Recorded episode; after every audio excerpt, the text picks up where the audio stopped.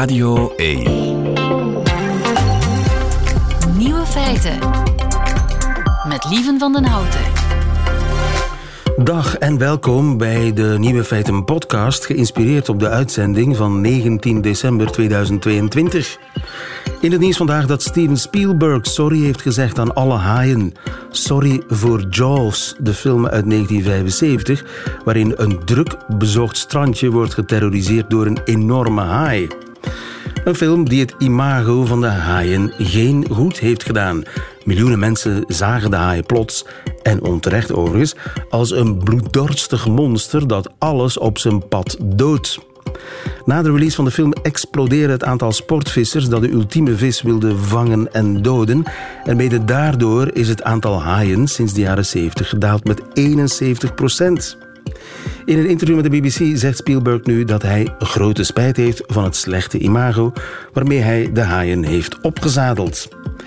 Zelf bezit Spielberg een privé-eiland vlakbij Madeira. De kust van dat eiland wordt bewoond door haaien en hij is er nog altijd bang van. Niet bang om aangevallen te worden, maar wel bang dat de haaien boos op hem zouden zijn. Of zijn excuses aanvaard worden, zal nog moeten blijken. De andere nieuwe feiten vandaag, doet hij het of doet hij het niet? Die andere excuses, premier Rutte van Nederland, zou vandaag zijn excuses aanbieden aan Suriname voor het slavernijverleden. Maar veel Surinamers zijn daar tegen. Je eten ontsmetten met een virusspray, dat zou eigenlijk kunnen. De VN-top in Canada over biodiversiteit levert een historisch akkoord op en ontbijten voor een operatie kan soms wel. De nieuwe feiten van Jovan Castiel die hoort u in haar middagjournaal. Veel plezier. De VN-top over biodiversiteit heeft vanmorgen een historisch akkoord opgeleverd. Dat zegt de VN zelf. Stijn Verkruijsen, goedemiddag. Goedemiddag. Klopt dat ook? Het is een historisch akkoord, eh, dat denk ik wel. Natuurlijk zullen we moeten zien wat er uitkomt, maar um, qua implementatie, uitvoering, qua resultaten. Maar het is toch voor het eerst dat ze hier zo'n ambitieuze doelstellingen uh, op tafel leggen. De hele wereld, bijna alle landen ter wereld ondertekenen dit. Ja, en wat is er nu eigenlijk precies afgesproken? Uh, 30 procent ja, het is eigenlijk um, wat, wat die 1,5 graden en 2 graden in het klimaatakkoord van Parijs zijn. Dat is in dit biodiver, biodiversiteitsakkoord het 30 maal 30 uh, akkoord. En wat okay. betekent dat? Dat we alle landen uh, zich ertoe verbinden om 30% van het landoppervlak en 30% van het wateroppervlak te beschermen en te beheren, actief te beheren. Dus ervoor te zorgen dat daar de biodiversiteit zeker niet achteruit gaat en zelfs vooruit gaat. Um, en ook dat we 30% van ecosystemen die er slecht aan toe zijn, gaan herstellen. Oké. Okay. En tegen 2030. Tegen 2030, nog zeven jaar. Absoluut. Dat is... Ja. ja, dat is inderdaad heel snel, maar dat moet, net zoals het klimaat 2030 ook zo'n magisch jaar is, um, omdat we tegen dan te veel gaan uitgestoten hebben en de tipping points worden bereikt. Dus we eigenlijk de klimaatverandering gaan versnellen. Hetzelfde geldt eigenlijk voor de biodiversiteit. Er dreigen de komende tien jaar 1 miljoen dieren en plantensoorten te verdwijnen. Um, um, die dieren- en plantensoorten die verdwijnen, die kunnen hele ecosystemen doen instorten, waardoor wij gewoon economisch ja, zwaar in de problemen komen. Het papier van mijn boekje hier is gemaakt van hout. Jouw uh, trui is gemaakt van katoen. Um, alles, alles in onze economie is afhankelijk van 80% van onze voedingsgewassen worden bestuift. Dus daar heb je bijen voor nodig. Die bijen zijn snel aan het uitsterven. Dus we moeten echt dus het is geen luxe? Nee, luxe voor, voor groene jongens, zeg maar. Nee, nee, nee, dit is geen groene jongensakkoord. Dit is een economisch belangrijk uh, akkoord. Ja, en het, er is ook aandacht voor inheemse volkeren. Dat is inderdaad een uh, belangrijk punt. Die uh, actiegroepen die daarvoor geijverd hebben, die zijn heel tevreden met dit akkoord. Waarom is dat zo belangrijk? Ongeveer 80% van alles wat we nog aan biodiversiteit hebben, dat ligt op het grondgebied waar die inheemse volkeren wonen. En het is duidelijk gemaakt door wetenschappelijk onderzoek dat zij eigenlijk de besten zijn in het bewaren van de biodiversiteit. Zij hebben de beste technieken al eeuwenlang en dus moeten we daar rekening mee houden. Wat vroeger te vaak gebeurde is, we gaan een natuurgebied beschermen, we maken er een reservaat van en de Maasai bijvoorbeeld in de Serengeti moeten daar verdwijnen. Uh, Amazone-Indianen moeten uit sommige gebieden verdwijnen. Nu worden die, die hun rechten beschermd in dit akkoord. Dus je mag natuurgebieden beschermen, maar die inheemse volkeren moeten daar kunnen blijven wonen. Ja, maar nu 30 procent uh, is dat, moeten wij bijvoorbeeld met België 30% van het grondgebied gaan beschermen? Nee, dat was inderdaad een discussiepunt uh, vooraf. Maar bijvoorbeeld, dat zou niet lukken voor uh, België, ook voor Nederland. Uh, zou, het zijn drie provincies. veel te veel volgebouwd, inderdaad. Um, um, het is een globaal doel. Dus je kan en ruilen. ja, inderdaad. Met Namibië, Ja, of, of, maar neem nu um, het Amazonegebied in, in Brazilië. Dat beslaat veel meer dan 30% van Brazilië. Stel je voor, iedereen 30% dan zou Brazilië massaal regenwoud mogen kappen. Maar nu zal er inderdaad wat um, geruild worden, is, zal er gevraagd worden aan landen die minder doen om die andere biodiversiteit in Congo bijvoorbeeld te gaan ondersteunen. En daar uh, heeft Congo op de rem gestaan. Vannacht hebben ze echt geprobeerd om dat akkoord nog tegen te houden, omdat ze vinden dat er te weinig geld op tafel komt. Er was vooraf gedacht aan 200 miljard uh, dollar per jaar tegen 2030. Dat is nu 30 miljard dollar per jaar geworden. Geld dat rijke landen dus op tafel zullen moeten leggen om de arme landen te helpen om hun biodiversiteit eh, te bewaren. En dat is dan eigenlijk een deel van onze schuld, ja, biodiversiteitsschuld, die we dan ja, eigenlijk dat, uitbesteden. Dat, dat zit daar ook een beetje anders dan bij het klimaat. Hè. Bij het klimaat hebben rijke landen zijn rijk geworden door zoveel uit te stoten en de arme landen dragen de ergste gevolgen. Dus daar is het een vorm van rechtvaardigheid. Hier is het um, een vorm van, oké, die landen hebben het geld niet en zouden daar nog heel veel economisch kunnen uithalen uit het hout van het Amazonewoud bijvoorbeeld. Wij vragen om hen, hen om dat te beschermen. Wel, dan zullen we wel wat geld op tafel moeten leggen. Maar ja, we zien hier toch wel die parallellen met die klimaatconferentie die nog maar voorbij is. Hè. Die, ook, er, is komt dus ook een soort apart fonds, uh, zoals Loss and Damage Fund voor het klimaat, komt er hier ook een, uh, een apart fonds. En wie heeft dat klimaat niet ondertekend? Dat, dit, dit, die biodiversiteitsakkoord bedoel ik? Een, uh, een, een heel opvallende um, land is uh, de Verenigde Staten. Die hebben dus mee uh, onderhandeld, hebben mee aan dat akkoord gewerkt. Um, hebben ook zelf beloftes gedaan, maar zij hebben het niet uh, uh, ondertekend, um, dit akkoord. Ja, um, ik moet zeggen, je, ik zie je kijken van waarom hebben ze dat niet ondertekend. Ik weet het niet, ik heb nog niet opgezocht. Ik, uh, bizar, ik, wellicht willen ze zich niet Hij moet dan eens een democratische juridisch... president, Biden, die... Je zou van Trump zoiets verwachten, toch? Ja, het is iets wat ik nog niet uh, heb uitgezocht. Dat moet, dat moet nog uh, duidelijk worden, maar is het bindend? Nee, het is niet bindend. Het is, het is, eigenlijk, we beloven van alles. Ja, en, en dat is tien jaar geleden of twaalf jaar geleden ook al eens gedaan in Japan, in Aichi. Dan werden de, de Aichi-doelen um, uh, vooropgesteld. Er waren twintig doelen, daarvan is eigenlijk maar één bereikt. Um, ook dus ja, net omdat het zo weinig bindend is. Maar, maar, hier is nu wel, uh, hoor ik van de mensen ter plaatse, uh, wel een veel um, dwingender taal gebruikt om het echt te gaan implementeren. Er moeten echt nationale diversiteitsplannen komen nu. Ook Vlaanderen, België zal moeten met een diversiteitsplan komen.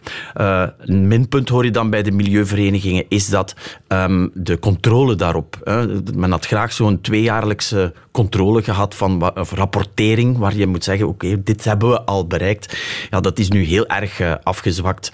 Um, dus daarom dat ik ook wat voorzichtig ben. Um, ja, want zeg, je gaat dit echt even veel wegen als het Parijsakkoord. Dat zal nu denk ik in de komende jaren moeten duidelijk worden. Ja, het is ook een test voor de betonstop.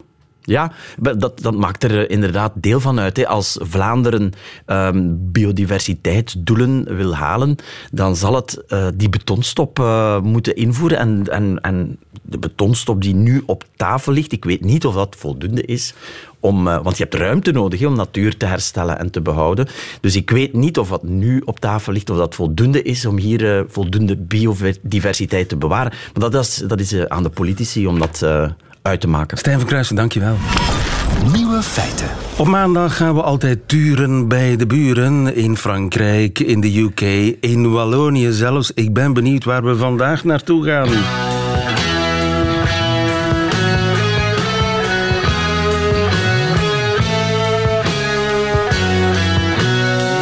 De ontdekking van Nederland met Sander van Horen. Sander van Horen, die lange tijd in Brussel heeft gewoond, maar teruggeroepen is naar eigen land en van daaruit zijn eigen land weer uh, herontdekt voor ons. Ja. Goedemiddag, Sander. Goedemiddag. Ja, en Nederland is groot, hè? daar kom je dan deze dagen achter. Of in elk geval, Nederland was ooit groot met Suriname, Saba, Sint-Eustatius, Sint Maarten, De koninklijke gebieden, hoe heet die gebieden die tot het koninkrijk horen nog steeds, hè? Nou ja, voor een deel. Hè. Voor een deel zijn ze onafhankelijk geworden. Uh, sommige zijn nog een Nederlandse gemeente gebleven. Uh, maar ja, wat ze allemaal bindt is natuurlijk dat het voormalig Nederlandse koloniën waren. En dat daar dus uh, slavernij heerste. Ja, en daarvoor heb ik horen zeggen, gaat premier Rutte vandaag naar Gaat hij naar Suriname? Nee, nee, nee, nee. Frank Weerwind, een van de ministers, toevallige minister van Kleur, die gaat naar Suriname. Nee, Mark Rutte gaat in, het, uh, uh, in Den Haag een betekenisvolle toespraak geven. Dat, dat, dat is wat we ervan weten. Een betekenisvolle toespraak. Juist.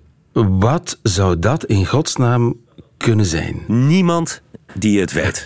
Dat wil zeggen, iedereen heeft het erover. Heel Nederland, al weken. Want hij zou namens de Nederlandse regering excuses gaan aanbieden. Dus tot nu, tot nu toe nog nooit gebeurd. Uh, burgemeesters hebben het wel gedaan. Amsterdam, Rotterdam, Den Haag, Utrecht. Excuses waarvoor? Voor het slavernijverleden. Oké. Okay voor wat wij uh, als, als Nederland daar hebben aangericht en nog steeds aanrichten. Want dat is uh, wat heel veel nazaten van tot slaafgemaakte zeggen.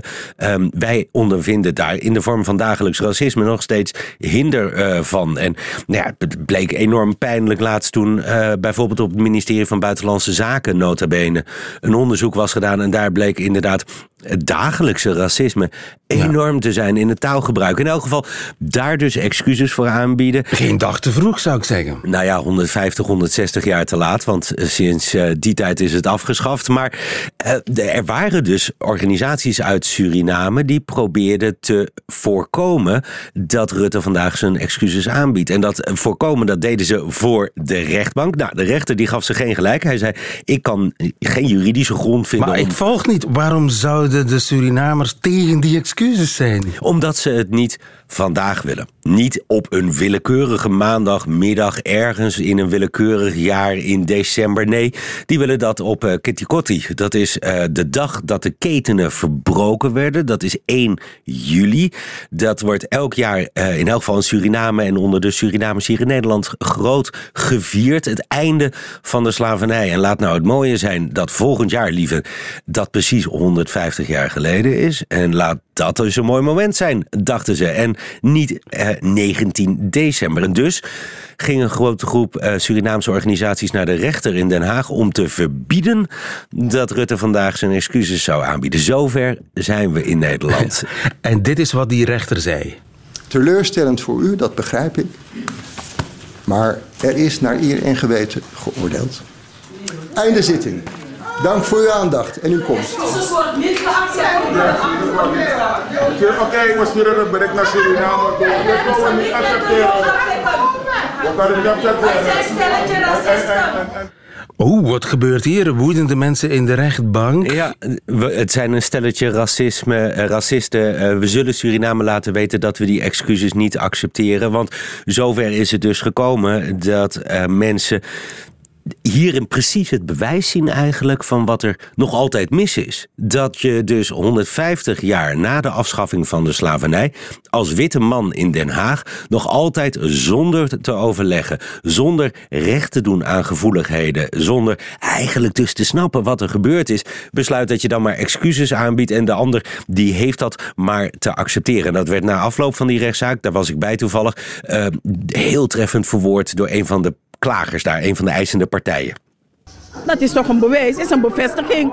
Dat, nou, dat ze niks hebben geleerd, dat ze eenzijdige besluiten nemen, net als tijdens slavernij. Ja, die eenzijdigheid die, uh, die stuit tegen de borst. Ja, en uh, dat blijkt dus ook wel, want er is op geen enkele manier uh, gecommuniceerd met de mensen die die excuses dan zouden moeten accepteren.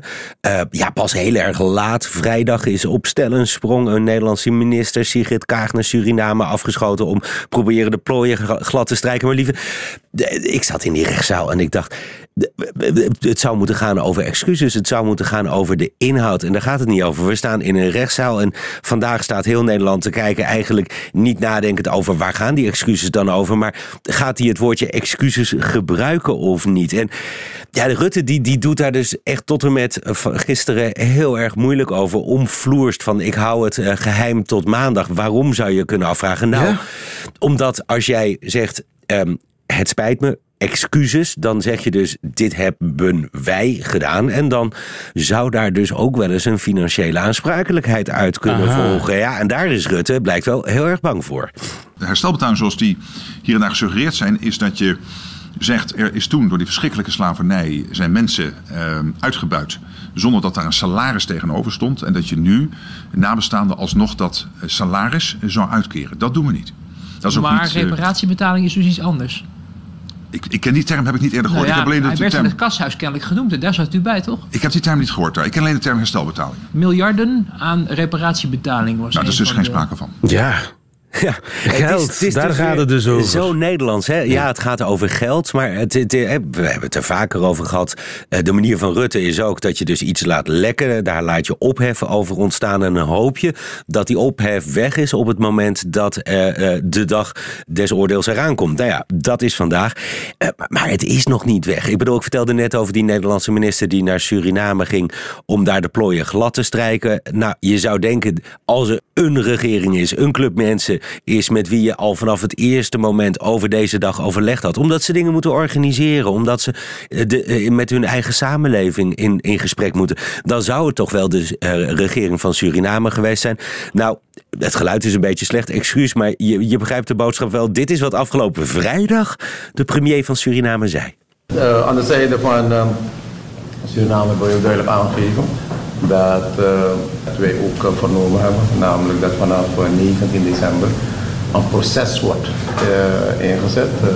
we hebben ook gezegd namelijk dat we het proces ook holistisch willen zien. Het proces holistisch zien. Ja. Wat nou betekent dat? Nou ja, dit is iets waar Nederlanders, en in elk geval uh, Mark Rutte, dus helemaal niets mee kan. Hij wil het zakelijk zien. En hij zegt dus, en dat was ook de verdediging van de landsadvocaat eh, in de rechtbank, dit is pas het begin. We zeggen, uh, sorry, we maken excuses en dan gaan we praten over wat er vandaag de dag nog mis is. Dan gaan we praten over wie waarvoor precies verantwoordelijk was. Dan gaan we praten over hoe kunnen we dat repareren?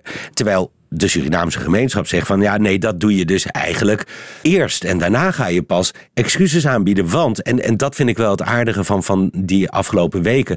Je krijgt dus bijvoorbeeld uit Suriname een reportage van collega Nina Jurna. Die had een man gesproken en die legde haar van fijn uit hoe hij die excuses zou willen inbedden. Dat je de, de, de voorouders uh, zou, moeten, zou moeten vragen voor voor, voor, om hen open te stellen, zodat ze zich kan openstellen om die excuses te kunnen aannemen. En dat kan je doen middels gebieden, middels zang, middels een plengoffer.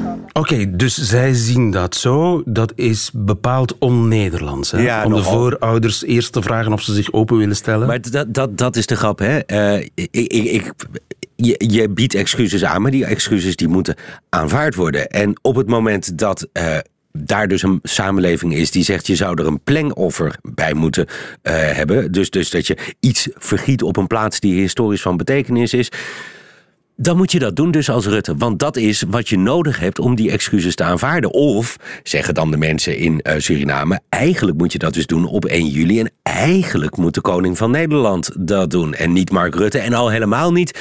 je hebt de naam al eerder gehoord, Frank Weerwind... want dat is een man van kleur. Hoe kan een nazaat van slaven... nu in vredesnaam zijn excuses aanbieden... voor het slavernijverleden van Nederland? Nou ja, lieve, dat is de status van het debat op deze maandag... waarbij ja, dit soort reportages zoals waar ik net een fragmentje van liet horen, die heb je dus wel gezien. Je leest ze in de kranten. Maar het is toch vandaag het grote spelletje. Doet hij het of doet hij het niet? Want iedereen zit alleen maar naar te, uh, Rutte te kijken om te horen of hij het woordje excuses in zijn mond neemt. Ja, en of Nederland daarna sorry voor de sorry zal moeten, zal nou moeten zeggen. Wat doe je op het moment dat dus een groot deel van de mensen tegen wie je sorry zegt, zegt ja, dat accepteer ik niet. Niet op deze manier. Ja, moet je het dan nog een keer doen? Als Rutte slim is, ja, dan, dan ja, je kunt het bijna niet goed doen, maar je kunt het in elk geval wel fout doen. En fout doen is inderdaad, denk ik, toch vandaag uh, tegen ieders wil in uh, als een ijzeren hein dat, die, die, dat woord excuses uitspreken. Je hoopt dat hij vandaag zegt van nou weet je, uh, we hebben het onderzoek wat er gedaan is, hebben we bestudeerd. Er is inderdaad veel fout gegaan. We zullen excuses gaan aanbieden. En weet je wat?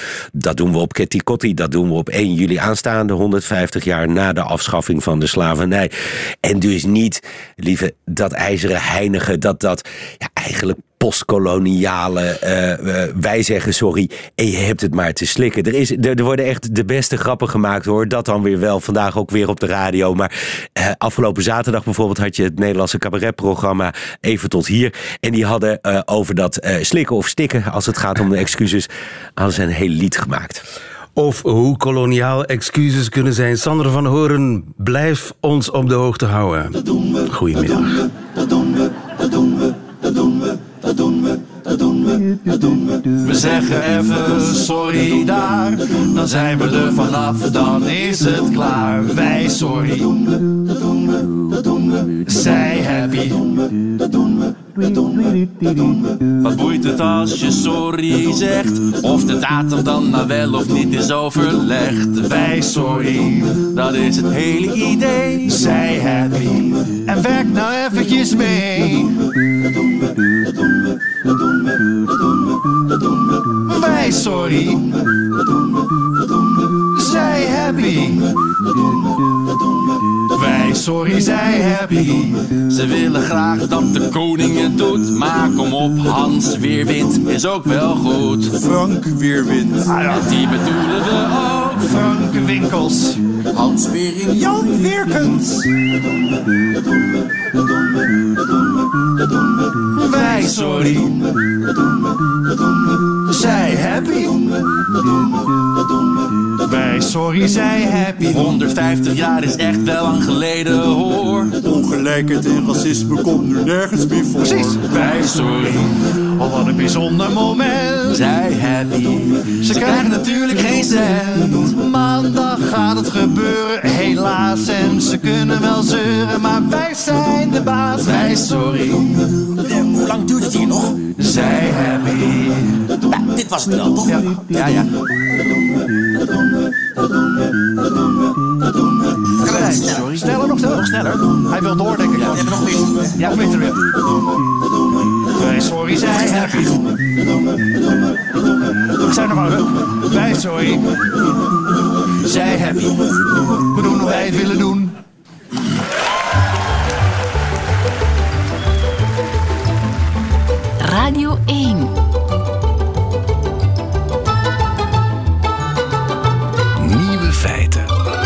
Eten ontsmetten met virussen. Het lijkt absurd, maar het kan, blijkt uit Canadees onderzoek. Yves Briers, goedemiddag. Ja, goedemiddag, lieve. Je bent biotechnoloog aan de Universiteit van Gent. De onderzoekers die zijn erin geslaagd om eten te ontsmetten met een virusspray. Dat Ja, klinkt gevaarlijk, een virusspray. Ja dat is een beetje de, de negatieve betekenis die een virus heeft gekregen. Iedereen denkt aan het coronavirus, dat mensencellen infecteert, maar er zijn dus ook virussen die bacteriën infecteren. En als die bacteriën ons ziek maken, dan zijn dat eigenlijk goede virussen. En die virussen gaan de bacteriën afdoden, waardoor wij niet meer ziek worden. Dat is eigenlijk wat er is uitgevoerd in de studie. Ja, ja, en ze noemen dat bacteriofagen, hè, geloof ik. Ja, dat klopt helemaal. Dat komt van het Grieks trouwens. Vagijn is eten en een bacterofaag is dus een bacterie-eter. En dat zijn virussen die bacteriën eten en die voor de rest voor de mens totaal ongevaarlijk zijn? Ja, absoluut. Ze kunnen, een menselijke cel kan niet geïnfecteerd worden door een bacterofaag. En eh, ze hebben dat in een spray gestopt. Hoe doe je dat? Is dat simpel? Een spray maken Ja, van virussen? Ja, dat is helemaal niet simpel. Dat is eigenlijk de doorbraak in deze studie.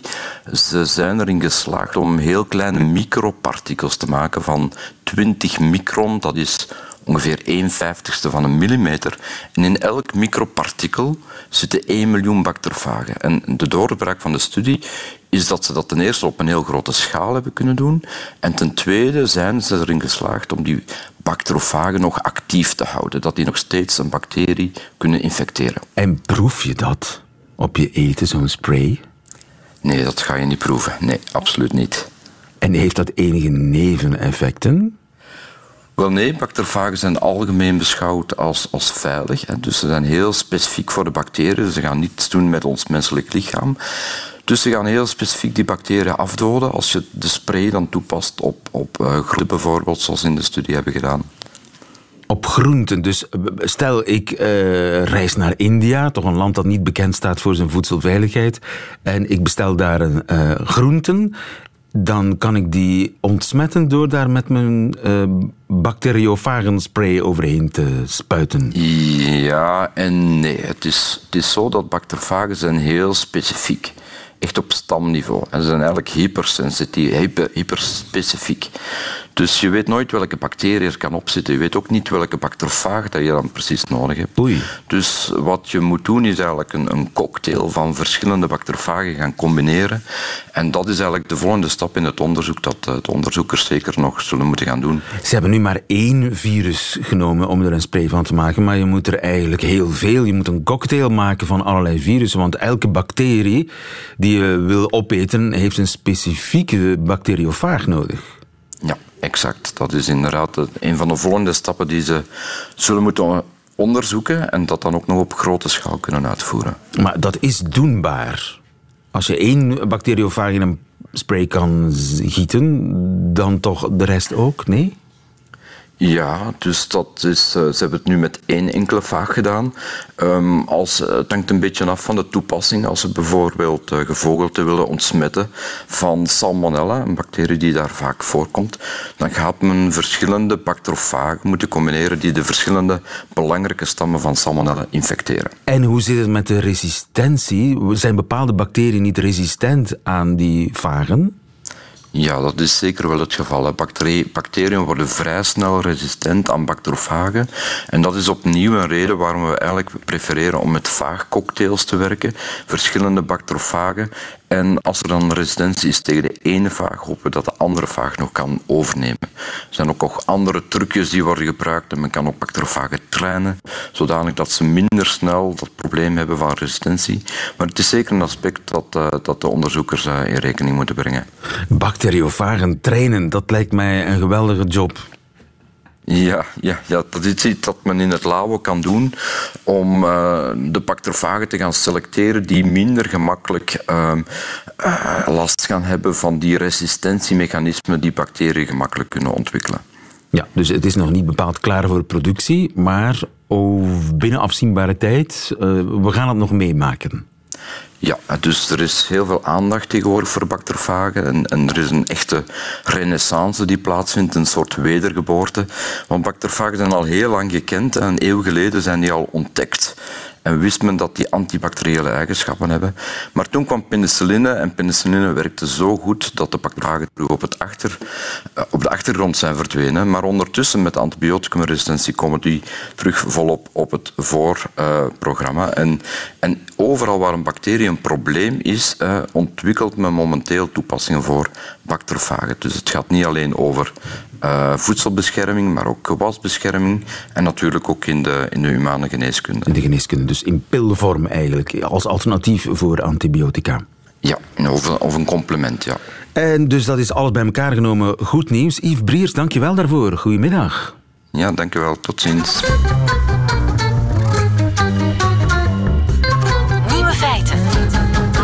Wie onder het mes moet, die mag die ochtend niet ontbijten. Die moet met een lege maag naar het ziekenhuis. Dat is de regel.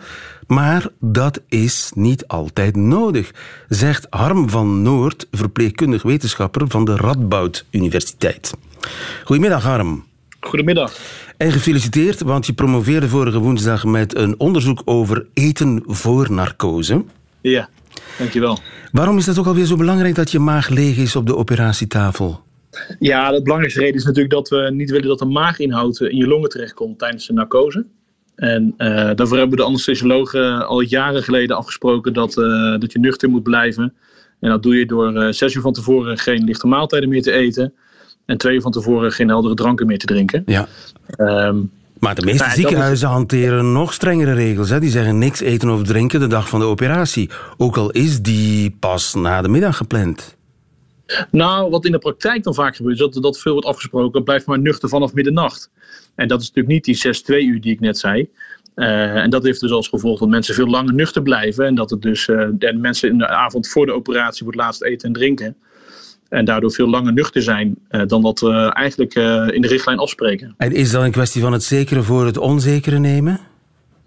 Ja, dat is wel een belangrijke reden. Het is ook een hele praktische afspraak natuurlijk. Want als je die 6 en 2 uur moet gaan terugrekenen, dan uh, ja, moeten we toch gaan, heel strak gaan plannen.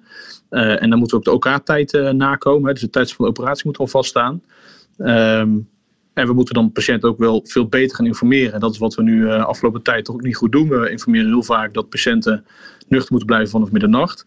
Um, en wat ik dus heb onderzocht is dat we patiënten door goed te informeren uh, ook kunnen helpen om het nuchterbeleid zelf goed toe te passen. En daarom hebben de verpleegkundigen een hele belangrijke rol om die patiënt goed te informeren voor ze de operatie ingaan. En heeft het ook nadelen om te nuchter op de operatietafel te verschijnen? Als je al bijvoorbeeld ja, 12 uur niks gegeten hebt of langer nog? Ja, wat je dus uh, ziet is dat voor mensen is het echt nadelig om dus, omdat ze dus zich minder comfortabel voelen. Ze hebben meer honger- en dorstgevoelens natuurlijk. Dat is ook wel logisch als je lang niet eet en drinkt. Maar uiteindelijk hebben mensen ook meer last van hoofdpijn. Hebben ze meer last van, uh, van spanning en angst. Uh, en, wat, en dat ze dus, het comfort van de patiënt wordt daar dus echt slechter van. Uh, ook zien we ook wel in andere studies, dat is niet mijn promotieonderzoek, maar wel andere studies, dat de maagsappen in de loop der tijd ook wel weer te kunnen toenemen naarmate je langer nuchter blijft. Dus dat is helemaal niet per se beter voor je aspiratierisico. en wat ook een belangrijke factor is, dat wanneer je langer nuchter bent, dat dan de insulinegevoeligheid juist, juist afneemt. Dus je cellen zijn minder goed in staat om zich te binden aan insuline en daardoor minder goed glucose opnemen. En dat maakt dus dat je lichaam helemaal niet beter in staat is om te reageren op de operatie. En dat is wat je juist wel wil. Um, ja, dus we moeten eigenlijk mensen echt optimaal nuchter gaan houden. Dus precies die 6-2, dat zou heel mooi zijn als we dat kunnen gaan behalen. En jij hebt aangetoond dat dat geen probleem is. Je kunt patiënten daarin perfect informeren en die houden zich aan die voorschriften. Ja, in ieder geval beter. Perfect zou ik nog niet meteen willen zeggen, maar we kunnen dat zeker beter doen. En uh, wat we bijvoorbeeld zagen, dat twee uur voor de tijd drinken, dat is echt goed uitvoerbaar en goed toepasbaar. Uh, gaf ook geen verhoogd aspiratierisico. Is overigens gewoon volledig volgens het protocol en volgens de richtlijnen van uh, anesthesie. Uh, niet alleen in Nederland, Europa vindt dat en ook Amerika. Eigenlijk alle internationale richtlijnen geven aan dat dat veilig is. nu moet het vooral gaan doen. En door een patiënt goed te informeren kan hij dat ook gaan toepassen. Um, ja, het eten is natuurlijk nog wel wat lastiger. Want als je om tien uur aan de beurt bent, dan mag je dus om vier uur s'nachts eten. Nou, dat is niet zo ideaal, want dan slaap je over het algemeen. Uh, maar dan zou je natuurlijk nog wel kunnen eten voordat je gaat slapen. Uh, en dat bleek ook goed toepasbaar hoor, voor patiënten in mijn onderzoek. Ja. ja. En zeker als je bijvoorbeeld pas om, om drie uur s middags gepland staat, dan kun je nog rustig ontbijten. Ja, exact. Ja, ja dat kan gewoon. Maar dan moet die drie uur wel vaststaan natuurlijk. En het kan niet zijn dat plotseling, oh, er is iemand weggevallen. Je kan toch al om, om elf uur. Nou ja, dus we moeten daar wel strak op zijn. Uh, dat, we dus, uh, dat we ook goed weten hoe laat iemand dan eet en wat iemand dan eet. Uh, tegelijkertijd is die zes uur natuurlijk. elf, van, van 1 uur naar 11 uur wordt niet zo vaak gedaan. Het is dan eerder dat het om 2 uur of om 1 uur al aan de beurt is. Maar als je gewoon ochtends om half 7 je ontbijt eet en in de middag aan de beurt bent, dan zou dat geen probleem moeten zijn. Dus het is te doen om die regels iets minder strak te zetten of iets preciezer toe te passen. Daar komt het eigenlijk op neer. Ja, het is zeker. En, en daar hebben verpleegkundigen dus een hele mooi, heel belangrijk aandeel in om die patiënt goed te informeren, maar ook om het zorgproces goed te coördineren. En dus goed af te stemmen met de OK-planners uh, van hey, hoe laat gaat die patiënt voor OK? Uh, hoe laat is zijn de beurt, zodat die, dat verpleegkundigen weten hoe laat die patiënt nog kan eten en drinken. Ja. Um, dus het is heel belangrijk dat verpleegkundigen daar hun rol pakken en de regie pakken. Um, ja, en de, uit mijn onderzoek blijkt dat dat kan. Dus dat is hartstikke leuk. Duidelijk, dankjewel Harm van Noord in Nijmegen voor ons. Goedemiddag. Ja, dankjewel. Radio 1. Nieuwe feiten. En dat waren ze, de nieuwe feiten van 19 december 2022. Alleen nog die van Jovan Castiel, die hoort u nu in haar middagjournaal. Nieuwe feiten. Middagjournaal. Goedemiddag. We leven in moeilijke tijden, maar soms kan je dingen relativeren door naar iemand te kijken die het moeilijker heeft dan jou. Ik spreek niet over mensen die op straat wonen of mensen in een oorlog. Ik spreek over mensen die het nog veel zwaarder hebben. Ik spreek over Prins Harry en zijn vrouw Meghan Markle. Ze hebben een zes uur lange documentaire gemaakt om te tonen hoe moeilijk ze het de laatste jaren hebben gehad. En ik heb heel hard moeten huilen. Want dat zijn zes uur van mijn leven die ik nooit meer zal terugkrijgen. Als je hun verhaal niet kent, dan moet je weten dat de koninklijke familie gemeen is geweest tegen Harry en Meghan. Dat was duidelijk te zien toen ze amper 45 miljoen euro wilden betalen voor hun huwelijk. Maar zelfs na die vernedering hielden Harry en Meghan zich sterk en traden ze in stilte in een kerk waar er bijna geen plaats was voor de aanwezige Hollywoodsterren en de wereldpers. En daarna stopte het pesten niet. Want Harry en Meghan kregen een kasteel. En dat klinkt misschien goed, maar het was een pak kleiner dan het kasteel van de Queen. Harry en Meghan moesten daarna doen alsof het normaal was om in een kasteel met maar vijftien bedienden te wonen. Dus verlieten Harry en Meghan Engeland. Hun plan was om in een ander land te gaan wonen, terwijl ze op tv en in podcasts zouden klagen over de koninklijke familie, en dat terwijl diezelfde koninklijke familie hun geld zou blijven sturen. Hun plan was perfect. Maar nu blijkt, als ik de documentaire goed heb begrepen, dat de koninklijke familie dat niet wilde doen, blijkbaar omdat Harry en Meghan zwart zijn. Het dieptepunt kwam er toen tijdens de begrafenis van prins Philip de filmploeg van Harry en Meghan niet binnen mocht in Buckingham Palace. En dat terwijl Harry en Meghan al een interview hadden gedaan bij Oprah Winfrey. Werd de Queen ooit geïnterviewd door Oprah Winfrey? Ik denk het niet. Het was alsof iedereen was vergeten wie de twee belangrijkste mensen op de begrafenis waren. Dus ja, nu we in ons huis vier truien, een winterjas en een muts moeten dragen om ons warm te houden, voelen we ons allemaal een beetje minder slecht nu we weten hoe moeilijk Harry en Meghan het echt hebben. Wie Harry en Meghan wil steunen, kan nog altijd geld storten met de mededeling Help Harry en Meghan de winter door.